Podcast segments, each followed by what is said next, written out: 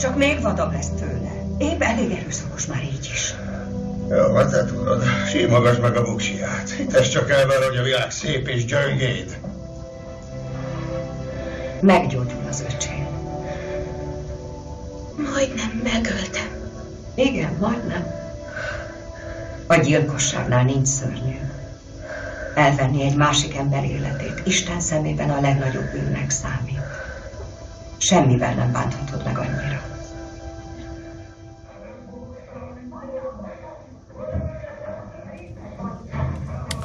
Fegyvertelen katona című Mel Gibson filmből hallottatok egy részletet.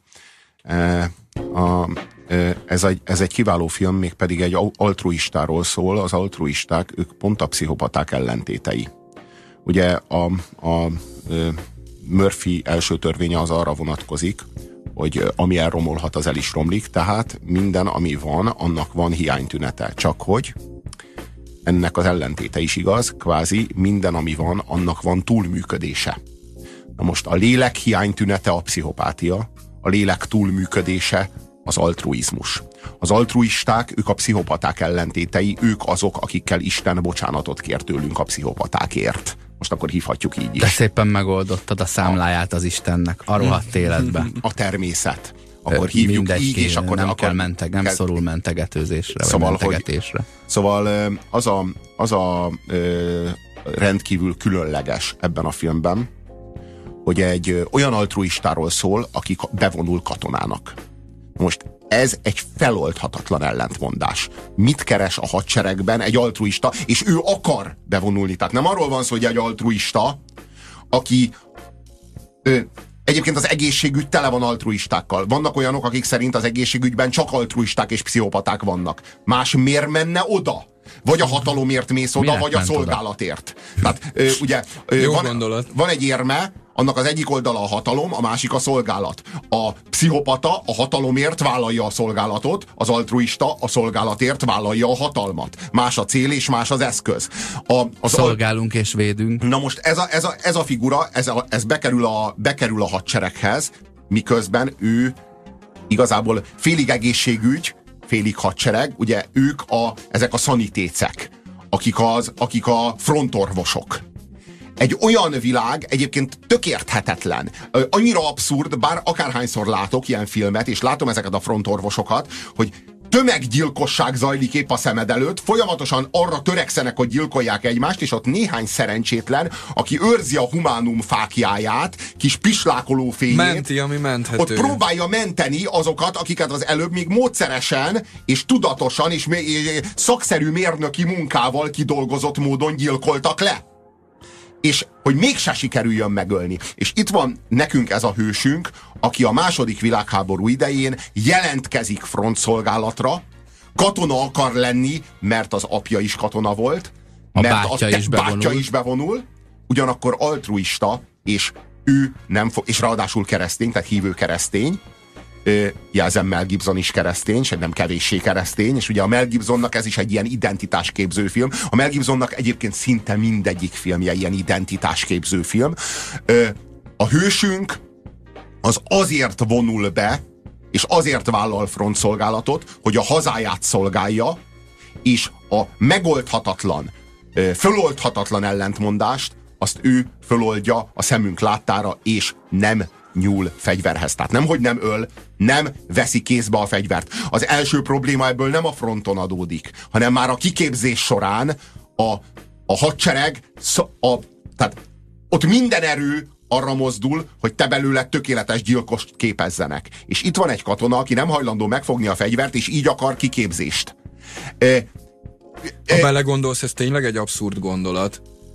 és, és, és, ö, és ő nem vesz a kezébe fegyvert. Az egész hadsereg azonnal szabotás szimatol. Tehát azt érzi, hogy itt valaki szabotálja az alapkiképzést, holott épp az ellenkezője történik, de ott a hadseregnél akkor ezt senki nem érti. Hát, Senki nem érti, amit lát. De nem véletlen, ha van egy 20 fős szakasz, és abból az egyik ember nem hajlandó fegyvert venni a kezébe, még akkor is, hogyha ő frontorvos. Hogyha ott van a fronton és kezel valakit, és jön az ellenség, ő nem tudja megvédeni, mindkettőjüket megölik. Ez nem hatékony. Nem hatékony. Nem megvédeni, ő... megmenteni tudja. Ha, te, ha tisztában vagy azzal a procedúrával, ami történik, hogy oda, oda mentek 50-en, abból 22-t az első negyed órában meg fognak lőni, mindjárt értelmet nyer, nem hogy egy ilyen a csapatból, hanem négy. A... A, és ez lesz a hatékonysága a túlélésnek és a nyerésnek, nem feltétlenül az ölésnek. Azért bocsánatot kérek, hogy az nem sikerül olyan jól az ölés, de, de legalább hazamennek páran. Az ez ugye a, a film az 41 körül játszódik, vagy azután, ugye, amikor az Egyesült Államok belép a világháborúba háborúba hivatalosan, és hát igen felkorbácsolt érzelmek és haza, hazafias érzelmek közepette zajlik az élet. Konkrétan abban a faluban, ahonnan ez a, vagy kisvárosban a srác, ahonnan jön, ketten öngyilkosok lesznek azért, mert alkalmatlannak találtatnak Igen. az önkéntes szolgálatra. Milyen Tehát világ volt ez? ez ma már akar... nem, szinte nehéz elképzelni ezt a Teljesen világot. Szinte, ja, szinte japános virtus pont mikor. Na jó, csak aztán Ráadásul. amikor látod a japánokat, mert hogy ugye a távol-keleti fronton játszódik ez, akkor azért látod a különbséget a kettőjük között. Fontos Persze. ehhez tudni, hogy az amerikaiaknak az igazi nagy második világháborúja a távol-keleti fronton zajlott. Ugye Európát a ruszkik ö, nyerték meg, a, a távol-keletet az amerikaiak nyerték meg. Európa németjei a németek, vagy Európa japánjai a németek, Ázsia németjei a japánok. A, a, a hősünkkel, a fegyvertelen katonával kapcsolatban mindenki, az egész amerikai hadsereg azt gondolja, hogy gyáva. Sejtelmük sincs, hogy bátrabb mindegyiküknél. Rinaldi és Harry meghalt az első 15 percben. Az nyomban. Az nyomban.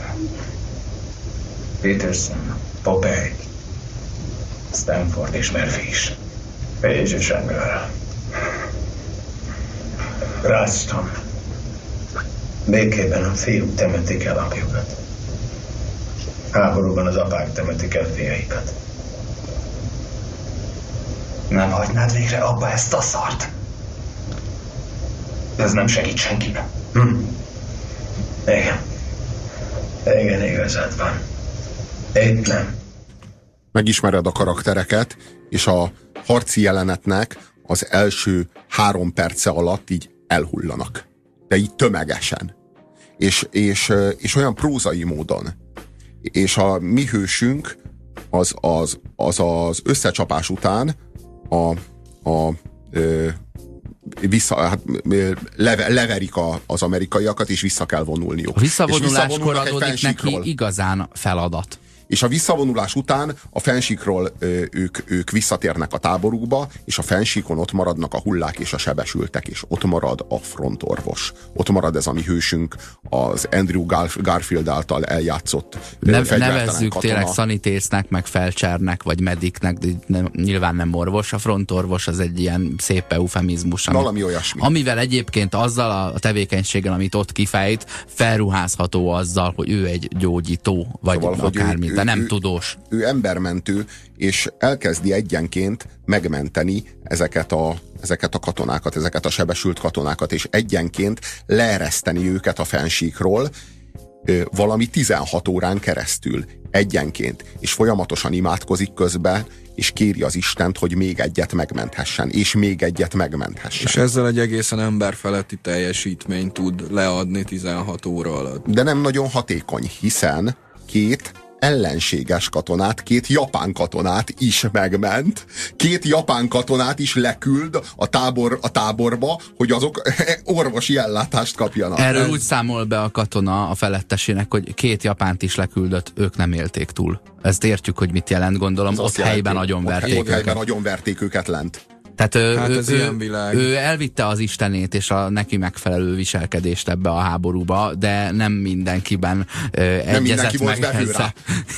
De hogy a sztoritól egy kicsit ö, ellépjünk, és magáról a filmről beszéljünk, említetted azt, hogy, ö, hogy a karaktereket, akiket fölépítenek a film első felébe, gyorsan lemészárolják, sok kritika, amit olvastam a filmmel kapcsolatban, pont azt írja, hogy túlzás lenne karaktereknek nevezni ezeket a figurákat. Tehát Desmond Dost a főszereplőt leszámítva az összes többi figura egy papírmasé szereplő gyakorlatilag típusokat gyorsan festenek fel, kevés szöveg jut rájuk, de nagyjából ezzel egy egész jó körképet ad arról, hogy egy ilyen viselkedéssel, ami nem nehezen megtűrhető egy katonai kiképzés és egy háború során, milyen ellenállással fog ö, ö, találkozni. Ki fog szrikálni, ki fog veled versengeni, ki akar elnyomni, ki az, aki fél tőled, ki az, aki megver, ki az, aki meg akar veretni, mondjuk. Uh-huh. Csak egy ilyen gyors. És hát a saját, a saját amikor, amikor őt mindenképp mindenáron megpróbálják eltávolítani a, a, az osztaktól. Olyannyira, hogy megpróbálják megfegyelmezni, összeverik, a mind, minden Zsarolják, perelik, fenyegetik. bíróság elé Szinte állítják. érthetetlen abban De, a helyzetben, hogy ő miért csinálja mégis mindezt tovább. Mert, mert nem opció számára sem a fegyvert kézbe venni, és megtagadnia a saját hitét és meggyőződését, továbbá nem opció számára visszakullogni a falujába, mint egy gyáva, aki nem vállalta a háborúval járó kockázatot, meg a háborúval járó veszélyt. De végső soron, hogyha az apja nem szerzi meg neki a protekciót a tábornok cimborájától, akkor ki se jutott volna a frontra. Akkor, ki, akkor kicsapták volna, de nem rajta múlott volna. Van egy ilyen, szerintem Mel Gibsonnal elég erősen kompatibilis kártya, Isten haza család. Ugye ő itt Istenről és a hazáról nem tud az, a másiknak a kárára lemondani. Ez, ez a kettő dolog az, ami egyszerre él ott És benne. kiderül, hogy nem is kell. Csak rohadt nehéz uh-huh. ezt a két dolgot összeegyeztetni, de nem kell. Nem szükségszerűen kell lemondani akár a, az altruizmusáról, meg a pacifizmusáról. Ami egyébként egy korábbi erőszakos személyiségből adódik. Tehát ő elég erőszakos volt, majdnem megölte a... a nem, nem volt a, erőszakos. Az apja az volt, nagyon, az apja volt, volt, az apja volt nagyon volt. erőszakos, Igen. és volt egy szituáció, amikor megmentette az anyját, valószínűleg jó eséllyel megmentette az anyja életét, talán a testi épségét, talán az életét, Na de akkor érezte a dühöt, érezte neki, a dühöt magában, nem. érezte a dühöt magában, hogy most úristen most képes lenne akár meg is ölni az apját, annyira dühös volt, annyira féltette az anyját, és akkor visszarettent önmagától is. És ez egy magasabb erkölcsi szintre emelte őt.